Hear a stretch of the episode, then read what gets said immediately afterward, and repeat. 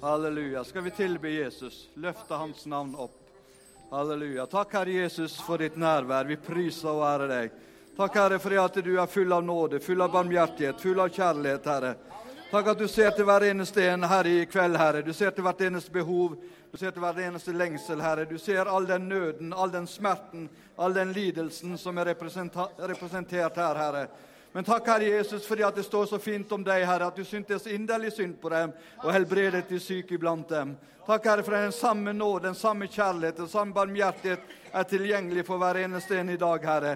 Halleluja, for at du har sagt at du er i går og i dag den samme, og du forblir det til evig tid. Vi priser deg. Takk at vi kan få åpne opp vårt hjerte for deg, Herre. Takk at vi kan få lov til å ta imot ifra himmelen. I Jesu Kristi navn. Amen. Amen. Det er jo fantastisk å kunne få lov til å være her på, på stevnet. Og eh, jeg må si at eh, jeg er jo så heldig og så, så, så privilegert at jeg kan få lov til å være en del av eh, arbeidet, arbeidet på, på senteret, på evangeliesenteret. Og det er klart Når du hører sånne vitnesbyrd som vi har hørt i de møtene her, så blir du så grepet i ditt hjerte. Og, eh, fordi at det, Bibelen sier at det, det som er umulig for mennesker, er mulig for Gud. Og eh, Vi ber om vekkelse, men jeg må si det at eh, siden jeg har begynt å jobbe i Evangeliesenteret, så, så ser ikke vi noe annet enn vekkelse. vi. Jeg mener, Hvis ikke det er vekkelse, at mennesker blir berørt av Herren og blir frelst og utfridd og får et helt nytt liv, da vet jeg nesten ikke hva vekkelse er. Men det er faktisk en del av hverdagen vår på evangeliesenteret. Det er det vi opplever. Og eh, Vi tror at Guds kjærlighet og Guds nåde er rik nok for hver eneste en. Og Det fins ingen si, begrensninger hos Herren. Og Det er ikke sånn at Gud gir opp noen, men hans kjærlighet strekker seg ut til alle mennesker. Og eh, Jeg har vært så heldig at jeg får lov til å forkynne evangeliet i 37 eh, år. Jeg har brukt faktisk 25 eh, år av livet mitt til å forkynne blant de unådde, de som aldri har hørt evangeliet. I Øst-Europa spesielt. Russland, Latvia, Ukraina, Litauen, Estland. Og så har jeg også brukt en del tid i India. Og, um, men jeg har hatt en sånn forventning i det senere tid på at uh, vi skal virkelig få se en innhøstning i Skandinavia. Vi skal se en innhøstning i Europa, i Vest-Europa. Jeg tror på det av hele mitt hjerte. Og eh, jeg tror det er sånn at eh, der Herren gjennom sine apostler begynte kan du si, med å nå ut evangeliet ut i Europa eh, Jeg tror det er der Herren kommer til å avslutte òg. For kan si at Nå ser vi vekkelse Vi ser vekkelse da i de muslimske landene. Vi har sett vekkelse i Øst-Europa. og jeg Takk Gud for jeg fikk lov til å være med på det og få se det. Og eh, Det er vekkelse i mange andre kontinenter i, i, verden, men vi har ikke sett det så sterkt enda i Vest-Europa. Men jeg har reist litt, jeg har vært litt i Tyskland og vært litt i Frankrike, men jeg opplevde at det der er en hunger og en lengsel som jeg aldri før tidligere har opplevd. Så eh, jeg tror det at eh, ikke bare at evangeliesenteret skal eh, Klart det er fantastisk, og det er det sterkest at mennesker kommer inn og blir fri fra rus og, og, får et helt nytt liv. Men jeg tror også at Herren skal stansette mennesker. At Gud skal reise opp tjenester i den settinga vi er i, og at vi skal se en innhøstning i Europa. Vi skal se at vi skal nå mennesker med evangeliet om Jesus Kristus. Halleluja. Tror du det? Amen. Jeg tror på det.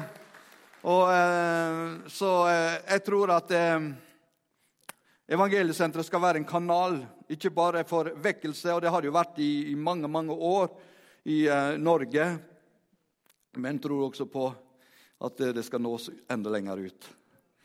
Amen. yes! Amen. Vi, trenger å høre vitnesbyrda ute i Europa.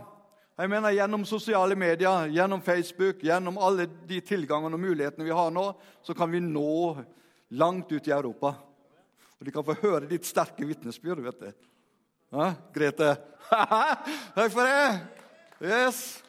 Kom til å få høre ditt uh, vitnesbyrd vet du. langt ned i, Europa hva Jesus har gjort i ditt liv. Og flere med henne òg.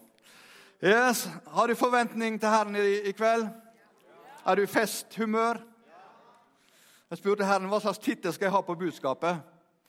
Så sa han at eh, du kan jo eh, kalle det for himmelsk service. det kan være greit, siden vi er på høyfjellshotell. Og, og, og, eh, vi får jo den servicen her. Det er fantastisk. Vi fryder oss og koser oss. vet du. Og, ja, eller du kan jo kalle det for eh, å bli varta opp fra himmelen. eller Herrens piknik. Du kan få lov å velge. Fordi at Sannheten er at Herren har dekket bo for oss, like for våre fienders øyne. Og Herren har salvet vårt hode med olje, og vårt beger flyter over. Og bare godhet, som vi hørte Hanne preka så flott om, bare godhet skal, og miskunnhet skal etterjage oss alle våre livs dager. Det er ikke så verst, det. Hæ? Det betyr at du begynner å bli paranoid. vet du for godhet og miskunnhet. Det står at bare godhet og miskunnhet skal etterjage oss. står det. Så du, du, Hver gang du kikker over skuldra, vet du, og noen kommer etter deg så Du blir paranoid på to stykker som følger deg overalt. Og du kikker litt etter, så ja, er de der igjen, liksom. Ja, Hvem er det, da? Jo, det er godhet og miskunnhet. godhet og miskunnhet, skal etterjage oss alle våre livsdager. Jeg blir så tørr i munnen her nå. Jeg skjønner ikke det. Få drikke litt, da. Yes, Da skal vi slå opp dagens tekst. Kona mi er veldig sånn nøye med det. da.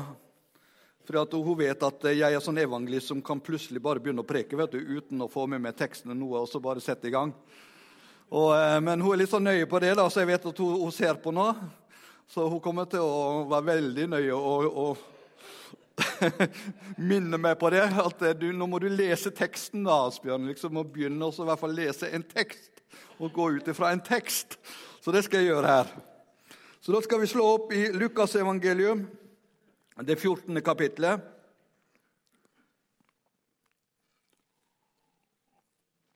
Lukas 14. Skal vi se, Nå får stille klokka mi siden vi ennå ikke er inne i evigheten.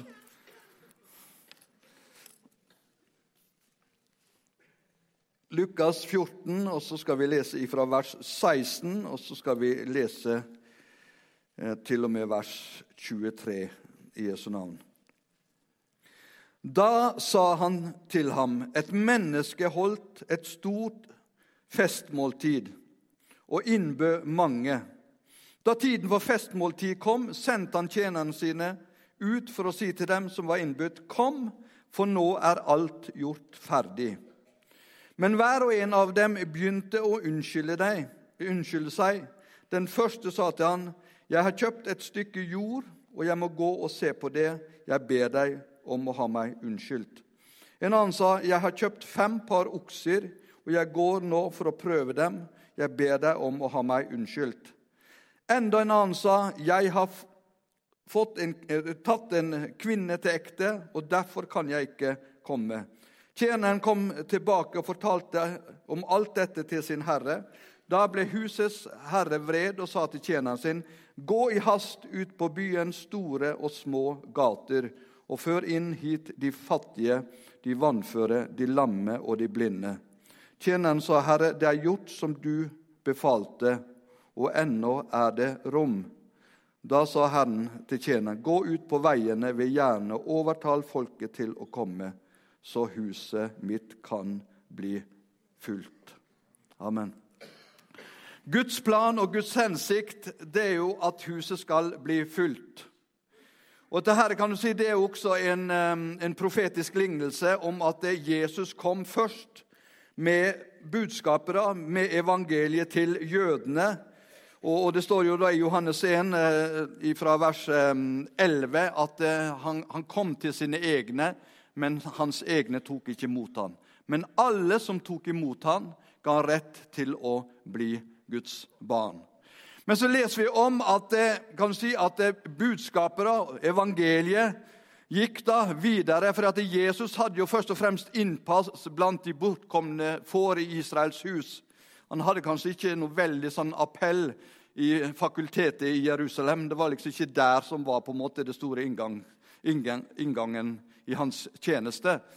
Men han, eh, han, var først og fremst ute blant de utslåtte, ute blant de prostituerte, ute blant de tollerne og synderne, og, og nådde mennesker eh, der. Men så leser vi om at det evangeliet da, det etter hvert da kom jo også til hedningene.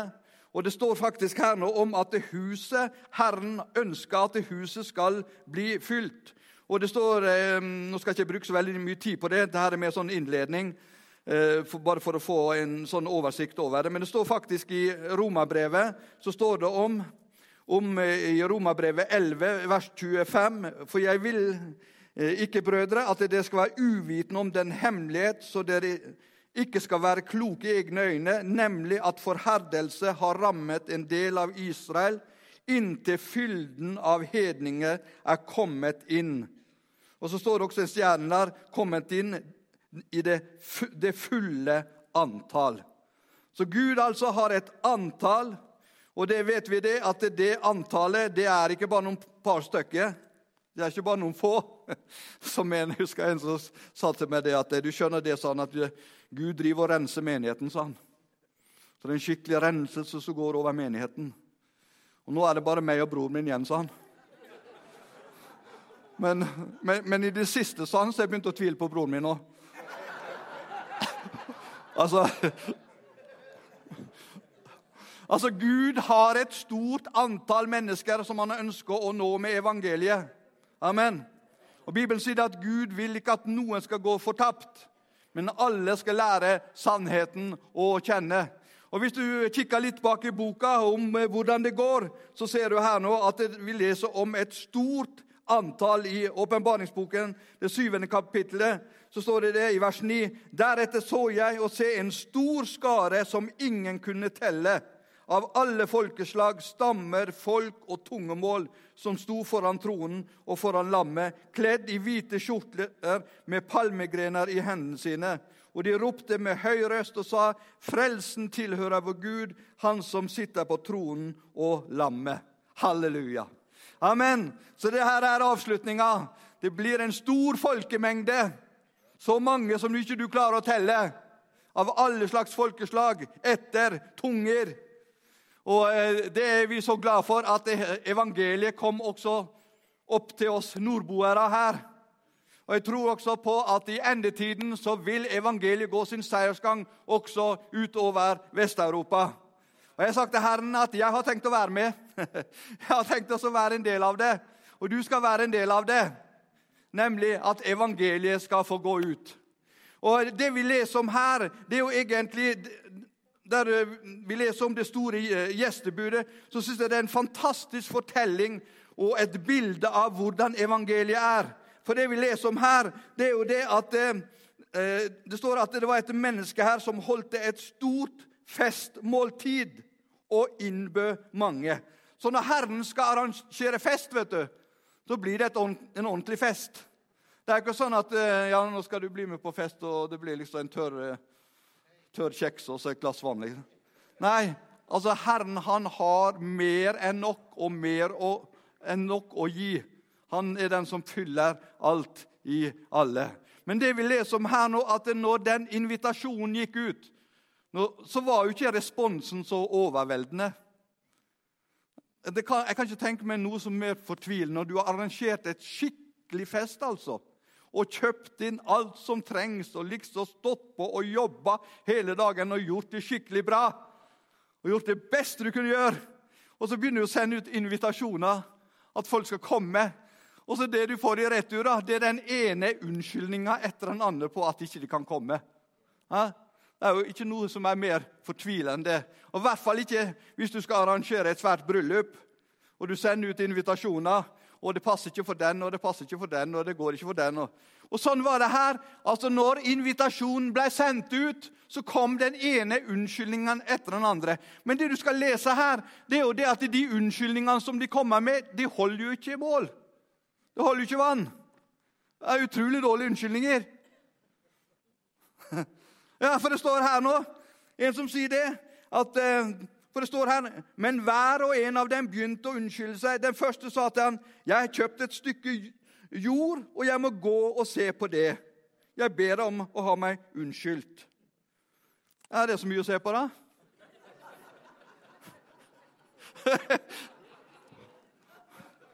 Hvor mange ganger trenger du å se på et, jord, et jordstykke, da? Ja, men, var, var ikke du så på det jordstykket i forgårs, da? Nei, du skjønner det. Jeg må da se på et jordstykke. Jeg lurer på den stakkaren som hadde invitert meg på fest. Og, og et skikkelig festmåltid. Og så hadde jeg sagt at jeg beklager, men uh, du får ha en fin kveld. da. Jeg skal da se på jordstykket mitt. men, uansett hvor iherdig bonde du er, altså, så kan du si det at det bare å stå og speide og se utover et jordstykke Du blir liksom på en måte lei av det. Mm. Og Dessuten så kunne han f.eks. heller tatt imot invitasjonen da, og vært med på festen. Og så kunne han heller tatt og, gått og sett på det jordstykket en annen dag. For siden han hadde kjøpt det jordstykket der, så kom ikke det til å flytte på seg.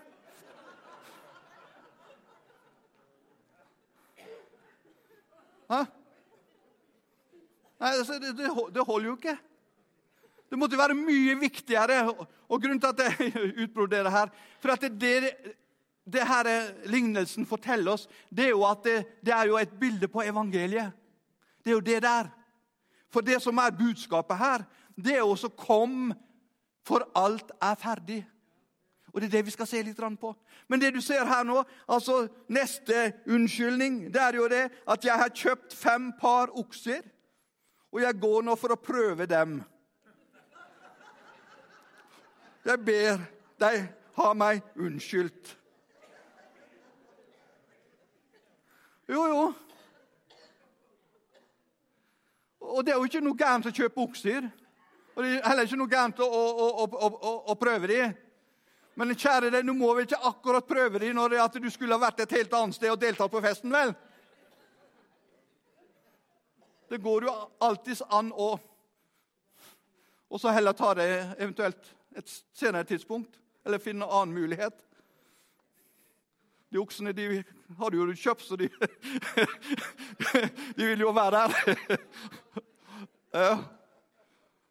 Og Han har jo tatt en, en kvinne til ekte, da. En kone. En hustru til ekte, og kan ikke komme. Ja, men kjære, ta med deg kjerringa, kom da vel. Hæ?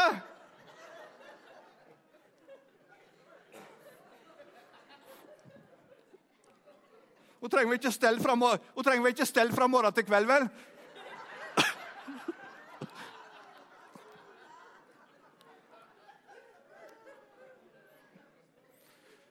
Ja, men det, altså det, er jo det at det her holder jo ikke mål, kan du si, de unnskyldningene.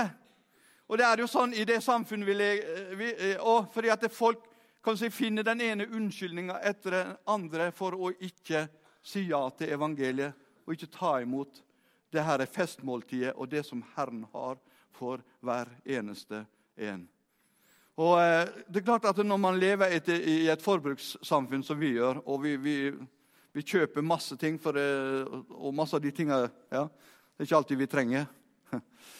Og, eh, så klart at det Ofte så blir jo fokuset og det er det jeg snakker om her, Jeg tror på Guds velsignelse. Jeg tror på Gud vil velsigne deg med en god bil. Det var en som sa til meg Kjære Gud Jeg husker jeg traff en, jeg traff en evangelist en gang. vet du, og Det var jo på 80-tallet. da. Han hadde en, en gammel, rusten Audi. Så sier han til han, Herren hadde sagt at han skulle ha den, den bilen til Jesus kom igjen.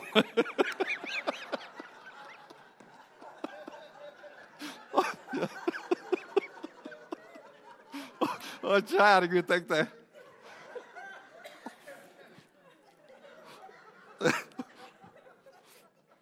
Jeg sa til han at du, du har større tro enn meg, sa jeg.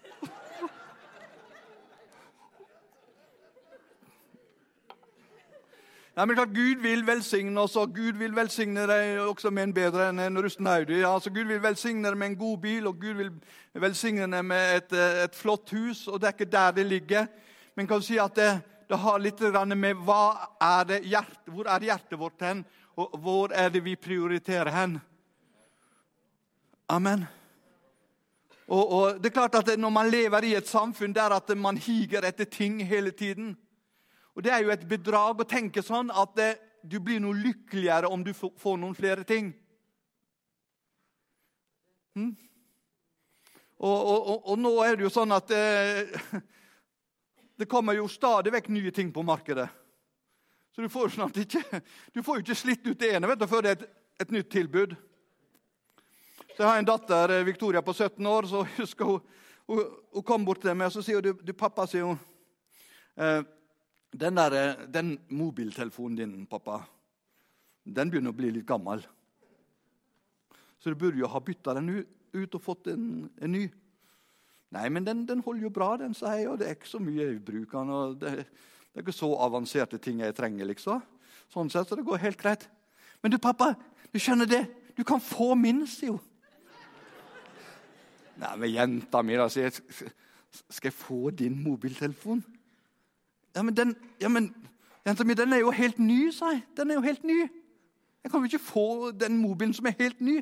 Jo, pappa, jeg syns du skal få den. Og så, sier han ja, vær så god, pappa, du trenger den. den. Den er så umoderne, den du har. Den er så gammel, så du trenger å få en ny mobiltelefon.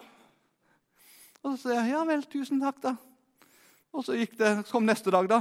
Du, pappa, du, se her. her. Du skjønner det, Her, her er det en helt ny sånn der eh, iPhone. Og, og, den er så flott, altså. Du, nå fikk jo du min. så nå, nå, kan du vel kjøpe den her til meg, vel? og så bløthjerta som jeg er, vet du. Så sier jeg klart det, jenta mi.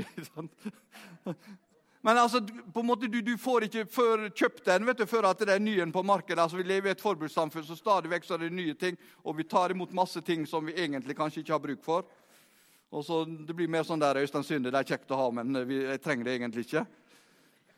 Men jeg kan si at det er Herrens prioritering. Vet du hva det er? Det er at vi skal søke først Hans rike og Hans rettferdighet. Så skal vi få alt det andre i tilgift. Halleluja. Og vet du hva det betyr å søke først Guds rike og hans rettferdighet? Vet du hva det betyr? For Jeg, jeg, jeg drev og mediterte på det og grunna på det. Hva betyr det å søke? Herren sa til meg, 'Hvor lenge søker du?' sa han til meg. Hvor lenge jeg søker? Og så, så vet han det at jeg har jo dykkersertifikat, så jeg har drevet og dykka en del. Og jeg vet at du søker inntil du finner. Men når du har funnet, så slutter du å søke. For da har du jo funnet det.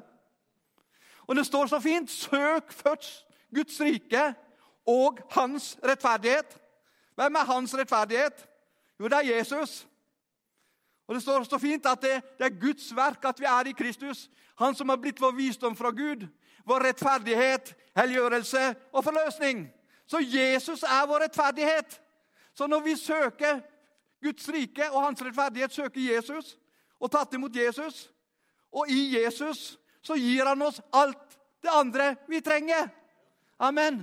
I hele den pakka som heter Jesus, som det står av hans fylde har vi alle fått. Og det er nåde over nåde. Han som fyller alt i alle.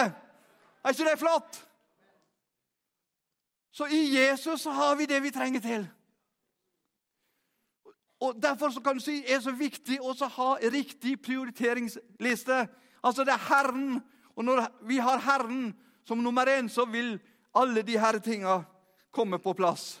Og Gud vil velsigne oss. Men Gud vil jo ikke at vi skal søke ting for tingenes del. For at Mennesker blir ikke lykkeligere av å ha stadig nye ting. på den måten. Altså, ja, 'Jeg har en fin bil, men jeg trenger en til. Jeg har et bra hus, men jeg trenger enda et hus. Jeg trenger hytte og jeg trenger båt. Jeg trenger... Altså, Vi lever i et vedlikeholdssamfunn. Så hele hva skal jeg si, livet ditt da kommer til å bestå i å holde ved like alt mellom himmel og jord. Så du får ikke tid til å få gjort det Gud har kalt deg til. Derfor så må vi noen ganger omprioritere. Ja. Og så må vi ha fokuset vårt på det viktigste. Og det er å få ut evangeliet om Jesus Kristus. Og det er jo det som er det budskapet her nå. Det er jo det at, eh, at, at budskapet er at et menneske holdt et stort festmåltid og innbød mange. Og så står det da tiden for festmåltid kom, sendte han tjenerne sine ut for å si til dem som var innbudt, Kom, for nå er alt gjort ferdig. Alt er ferdig.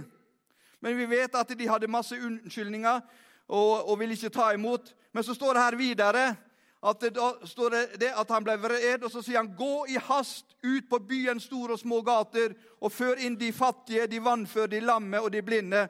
Tjener sa, 'Herre, det er gjort som du befalte, og ennå er det rom.' Da sa han til tjeneren, 'Gå ut på veiene ved gjerne og overtal folket til å komme, så huset mitt kan bli fylt.' Halleluja.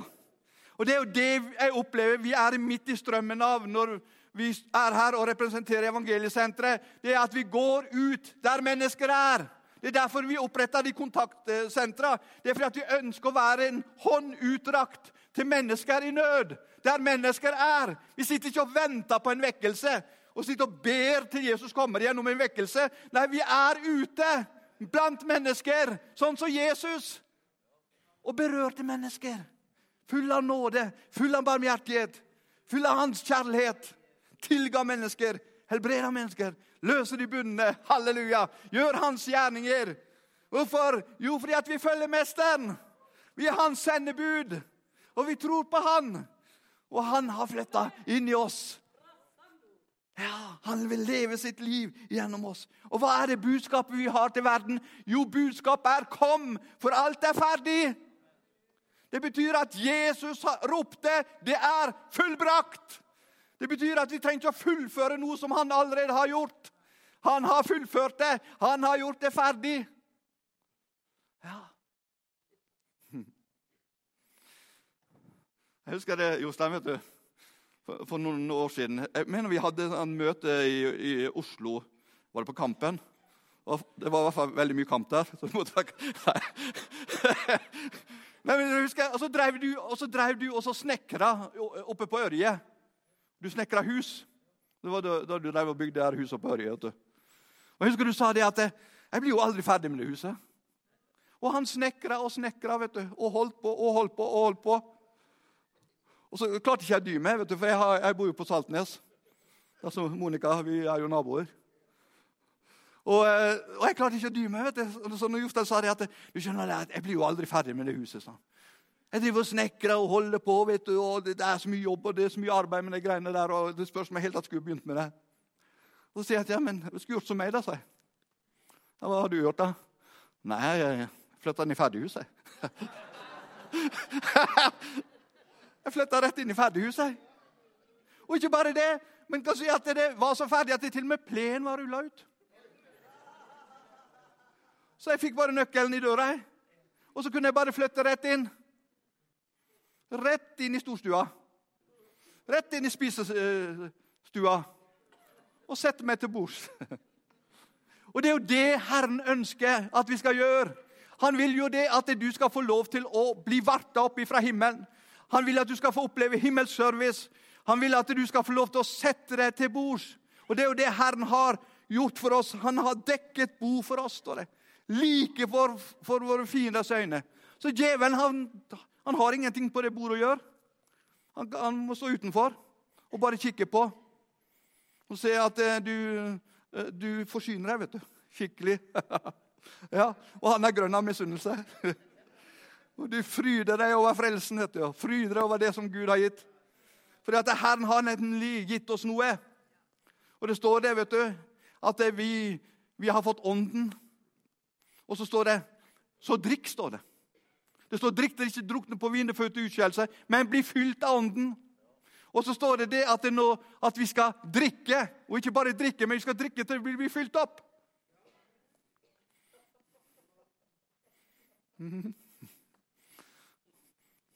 Vet du, Sånne der som driver og tester vin, vet du, de drikker ikke. De bare de smaker på det. Bare stikke tunga litt borti. Og så Nei. Spytta ut. Jeg har vært på sånne møter òg, jeg. vet du. Ja, jeg har det. Jeg husker en, jeg husker en gang Jeg skal ikke si hvor det var. Vi er ikke ute etter å, å ta noen, jeg. Velsigne alle. Men jeg husker, dette, dette var jo på 80-tallet. vet du. Så jeg husker at jeg hadde sånn der rødt sånn der skinnslips. Vet ikke om du husker de røde skinnslipsene på 80-tallet? Og Jeg syntes det var pent. der da. Det syntes kona mi òg. Syntes det var fint. Men så kom han frem da, så sa han det. Du, sa han, jeg må si det, beklager skjortene, han. Men jeg fikk ingenting ut av prekena di. han. For jeg ble så hekta opp og opphengt i det verslige slipset ditt. han. Jeg ble så støtt, sa han. Når jeg så det her verslige slipset ditt. Og vet du, Når folk får meg der, da, da, da vet du aldri hva, hva, som kommer. Så jeg sa til han, 'Har du sett trusa mi?' Du, så, hadde du så du blitt frafallen.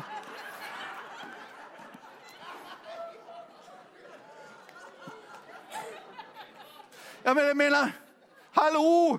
Er det liksom det man er opptatt av? da? Finne et eller annet gærent? Ja, det var en fin preken, men jeg likte ikke måten jeg...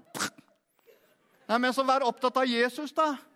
Halleluja. Og det så står det så fint at vi skal prøve alt, står det. Og så skal vi holde fast på det gode. Så hvis du finner noe godt her, vet du, så blir du velsigna. Halleluja. Og Det står så fint at vi kan få lov til å ta imot noe som er ferdig. Og Jeg er så glad for det at frelsen er ferdig. Den er uberørt av menneskehender. Og Det står så flott i Hebreabrevet 7, vers 25, at han vil fullkommen frelse den som kommer til Gud med han. Fullkommen frelse! Tror på en fullkommen frelse? Ja, noen som tenker sånn at Ja, og han, han, han var godt frelst. Hvis det er en som er veldig frimodig, så tenker jeg å, han var godt frelst. da. Ja, nei, hun har ikke helt fått det store gjennombruddet ennå. Og så liksom graderer vi frelsen. da. At noen er veldig frelst, og så er det noen som er litt mindre frelst, og så er det noen som passer frelst. Nei, men det er ikke sånn. Vet du hva? Gud har bare én frelse for oss. Og Den er det som, den som Jesus har tilveiebrakt på korset. Og Derfor står det at han vil fullkommen frelse den som kommer til Gud ved han. Så når du tar imot frelsen, så får du en fullkommen frelse.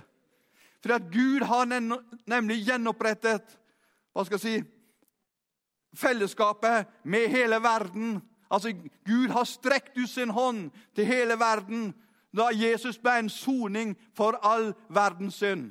Det står at han er soning for våre synder. Ja, ikke bare for våre synder, men all verdens synd. Altså, Gud har allerede strekt ut hånda, og så kan du og jeg få ta imot denne frelsen av bare nåde. Priset være Herren. Bibelen sier alle som tok imot Han, ga rett til å bli Guds barn. Så du som ser på Facebook, det er ikke vanskelig å bli en kristen. Frelsen er ferdig. Jesus har sona all din synd. Du skal slippe å gå fortapt, du skal slippe å bli dømt for dine synder. Du kan få ta imot frelsens gave. Bibelen sier det at for av nåde er det frelst, ved tro. Det er ikke eget verk. Det hviler ikke på gjerninger for at noen skal rose seg, men en Guds gave. Frelsens gave. Den er tilgjengelig for hver eneste en. Da blir du skikkelig frelst. Det går ikke an å bli mer frelst enn å få frelsens gave, som er Jesus Kristus. Får du Han inn i ditt hjerte. Altså, det er ferdig. Ja. Jeg vet ikke om, Hvor mange av dere en gang i livet har blitt invitert i bryllup? Har du det? Ja. Fått invitasjon? På samme måte som han som sendte ut invitasjon.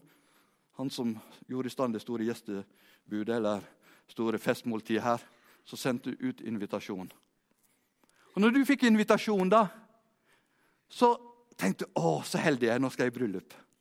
Og så begynte du å forberede deg. Gjorde du det? Begynte å forberede og tenkte deg at ja, nå skal jeg virkelig nå skal jeg ta meg en tur til frisøren. Skal jeg få noe håret mitt. Og så skal jeg få Og du som er dame, da, tenker å, jeg skal ha den flotteste kjolen. Gallakjolen. ja. Og vi menn, da, vi liksom ordner med smoking og skikkelig stilig. Ja. Så oss i speilet og syntes det så veldig flott ut. Ja. stripa håra. Ikke sant, Grete? Det er viktig. Det er vår nå, vet du, så da striper vi håret. Det er sikkert vårtegn. Hvitveisen og stripa hår. Nei, men i hvert fall så, så, så, så sa du ja. Og så kom du. Og Så ble du møtt i døra, og så sier de det at nei, så flott at du kunne komme, og så fint at du tok imot invitasjonen.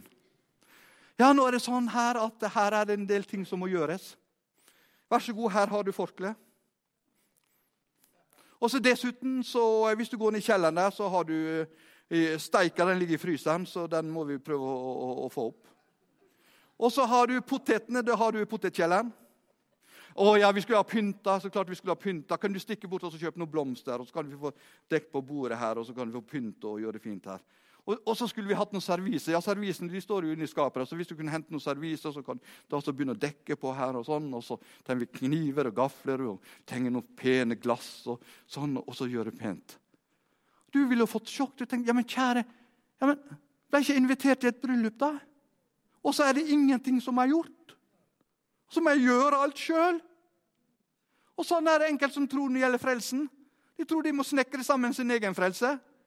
De tror at de må gjøre alt sammen sjøl. Men kom, for nå er alt ferdig. Han har en ferdig og fullkommen frelse for hver eneste en.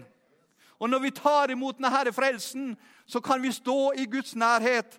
Fri fra skyld og fordømmelse og uverdighet. Fri fra enhver følelse av ikke å være bra nok. Men vite det på grunn av Jesus at vi er tilgitt, at vi er akseptert, at vi er kommet innenfor. At vi har fått del i hans natur og hans rettferdighet, og at vi har blitt en del av hans familie, hans sønner og døtre, barn av Gud. Halleluja.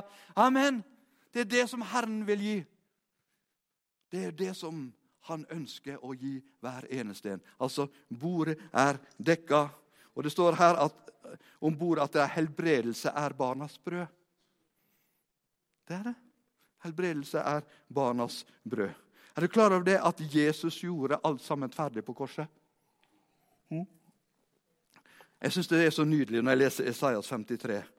Så begynte i, i vers 1 så står det her i Esaias 53 at hvem trodde det budskap vi hørte, og for hvem ble Herrens arm åpenbart?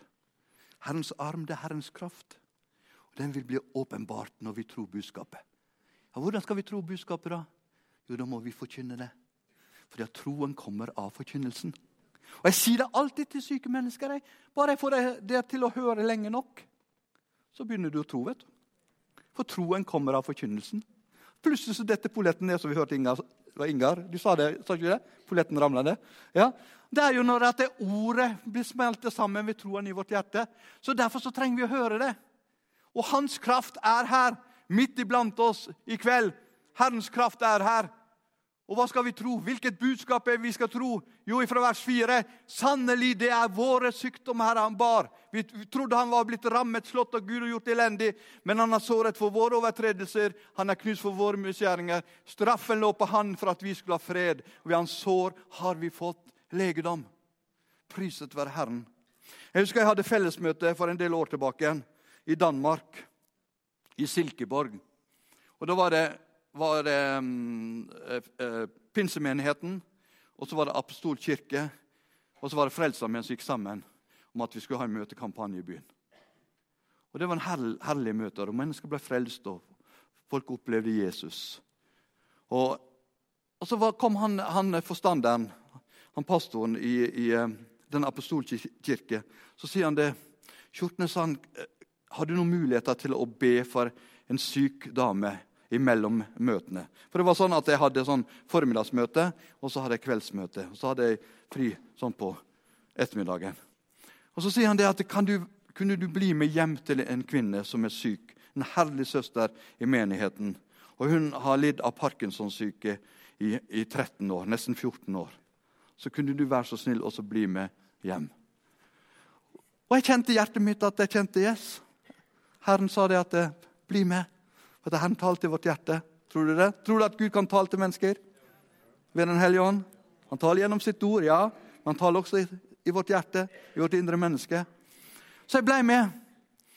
Og så når jeg begynte å nærme meg der som, de, som hun og, og mannen bodde, så sier Gud sånn til meg at du, når du hilser på så skal du spørre henne om hun vil leve eller dø. Og Jeg tenkte, kjære Jesus, jeg kan jo ikke si det. Det er ikke det man sier når man drar på, på sykebesøk. Man spør jo ikke folk om de vil leve eller dø. Men så bare kjente det kom igjen og igjen fra hjertet mitt. Og Så gikk jeg bort til og hun lå på sofaen der. Og Mannen hadde stelt i stand noe, noe kake og noe kaffe. og, og sånn. Hun ligger på sofaen, og så går jeg bort til henne og så presenterer jeg meg. Så sier jeg Asbjørn Skjortnes er evangelist fra Norge og jeg har møtekampanje her i byen. Og så Jeg må spørre deg, sier jeg. Unnskyld at jeg spør, sa jeg, men vil du leve eller vil du dø? Så begynte hun å gråte, og så sier hun det. At hvis jeg skal fortsette å leve i den tilstanden jeg er nå, sa så vil jeg heller dø. Eller for å være ærlig og si det som, som det er. Jeg orker ikke å leve sånn som jeg har det nå, sa hun. Og ikke bare det, sa hun, men jeg har faktisk også planlagt hvordan jeg skal avslutte det hele. Og jeg har faktisk sett hele begravelsen min. Jeg har sett hvem som synger i begravelsen, jeg har sett hvem som kommer i begravelsen. Jeg har sett kista, jeg har sett alt sammen. Så jeg orker ikke mer. Hvis ikke Gud gjør noe, jeg orker bare ikke mer. Så spør jeg henne hva, hva, hva skal jeg si til henne. Så, skal, så, spør hun hva gjorde du før du ble syk. Hva, var det du, hva slags tjeneste hadde du i menigheten? Hva gjorde du før du ble syk? Så forteller hun det at hun var ute og besøkte de syke og de lidende og var på aldershjemmere og, var, og, og oppmuntra mennesker og ba for mennesker. Så sier jeg til ham, hvis Herren helbreder, hva er det du vil gjøre da? sier Hva vil du gjøre? Hvis Herren helbreder meg, så vil jeg begynne ut, utgjenne tjenesten uten noen mennesker. Begynte å be for mennesker. Vet du hva, Når Jobb begynte å be for sine venner, vet du hva som skjedde med han da? Han ble helbreda sjøl. Ja. Og Det var akkurat det som skjedde. At Hun begynte å ikke tenke på seg selv, men hun tenker på alle de andre som hun skulle være med å nå. Så sitter jeg ved siden av henne, og så sier Guds ånd til meg at det slår på Isaias 53. Så leste jeg det som jeg leste her. Så leste jeg på slutten, så står det ved hans sår har vi fått legedom. Så spurte jeg henne har fått legedom. Er det fortid, nutid eller fremtid? Er det noe som har skjedd, eller er det noe som skal skje? Ved hans sår har jeg fått legedom. Ja, men det har jo skjedd, det, sier hun. Det skal jo ikke skje. Det har jo skjedd. Og så leste jeg Matteus 8, 16-17. Kapittel 8, fra vers 16 til 17. Da det ble kveld, brakte folk til Jesus, mange som var besatt av ånden der. Han drev ånd ut med ett ord, helbredet alle som var syke. Slik skulle bli oppfylt det som er talt ved profeten Isaias. Han tok bort våre plager og bar våre sykdommer. Tok bort og bar. Er det noe som skal skje, eller er det noe som har skjedd seg? Ja, men kjære, Det har jo skjedd, seg, jo. Og Så leste jeg 1. Peter 2, 24, at Kristus bar vår synder på sitt legeme opp på korstreet, så vi skulle bort fra synden og leve for rettferdigheten. Ved hans sår er dere lekt. Det har skjedd. Og da når jeg sa det vet du hva Det står så fint i Bibelen så at dine ord gir lys når det åpner seg, gir deg uerfaren innsikt. Plutselig så bare så hun det. Og jeg så det lyset i øynene på henne. Så kikka hun på meg og sier ja, men da skal jo jeg ikke bli lekt. Da sier hun. Da har jeg fått legedom, da. Da er det ikke noe som skal skje, men da er det noe som har skjedd. Ved hans hår har jeg fått legedom. Så sa jeg, løft hendene dine hver og takk Jesus for at du ikke skal bli lekt, men takk Jesus for at du har fått legedom ved hans hår. Og Hun løfta begge hendene i været. Og Da begynte mannen å gråte. Så sier jeg, 'Hva er det du griner for?' Og så sier han, så sier han på ja men, ja, men hun har aldri klart å løfte hendene sine opp i været. Sånn. Hun har klart å løfte den sånn halvveis, men aldri helt opp. Og Så sier jeg, sier jeg til henne, og hun ligger på sofaen, så sier jeg 'reis deg opp og gå'. Seg. Og Hun reiste seg opp, og hun gikk. Og hun gikk frem og tilbake uten å falle en eneste gang.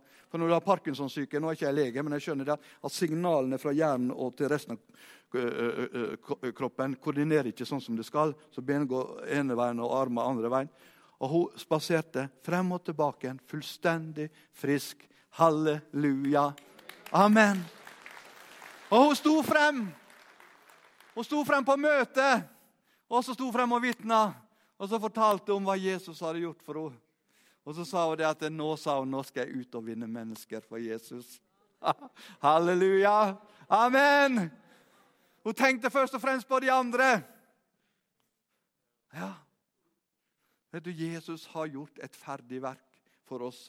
Han tok våre synder slik at vi kunne få del i hans rettferdighet. Tror du det? Tror du Jesus har gjort alt sammen ferdig for oss? Han tok vår skam, så vi skulle få del i hans herlighet. Han tok vår forkastelse for at vi skulle bli akseptert av Gud. Han ble forlatt av Gud på korset. Han ropte, 'Min Gud, min Gud, hvorfor har du forlatt meg?' For han tok vårt sted. Tok våre synder. Ble forlatt av Gud for vår del. For at vi aldri skulle være forlatt av Gud, men at vi alltid skulle være ønska i hans nærvær. Det er fint. Han døde for at vi skulle leve. Han opplevde helvetes gru for at vi skulle oppleve himmelens herlighet. Han tok forbannelsen for at vi skulle få oppleve velsignelsen. Han tok våre sykdommer for at vi skulle få oppleve legedom. Det er fullbrakt. Det er ferdig. Han har gjort alt sammen for oss. Og Vi kan få lov til å ta imot det av nåde og av nåde ved tro. Amen.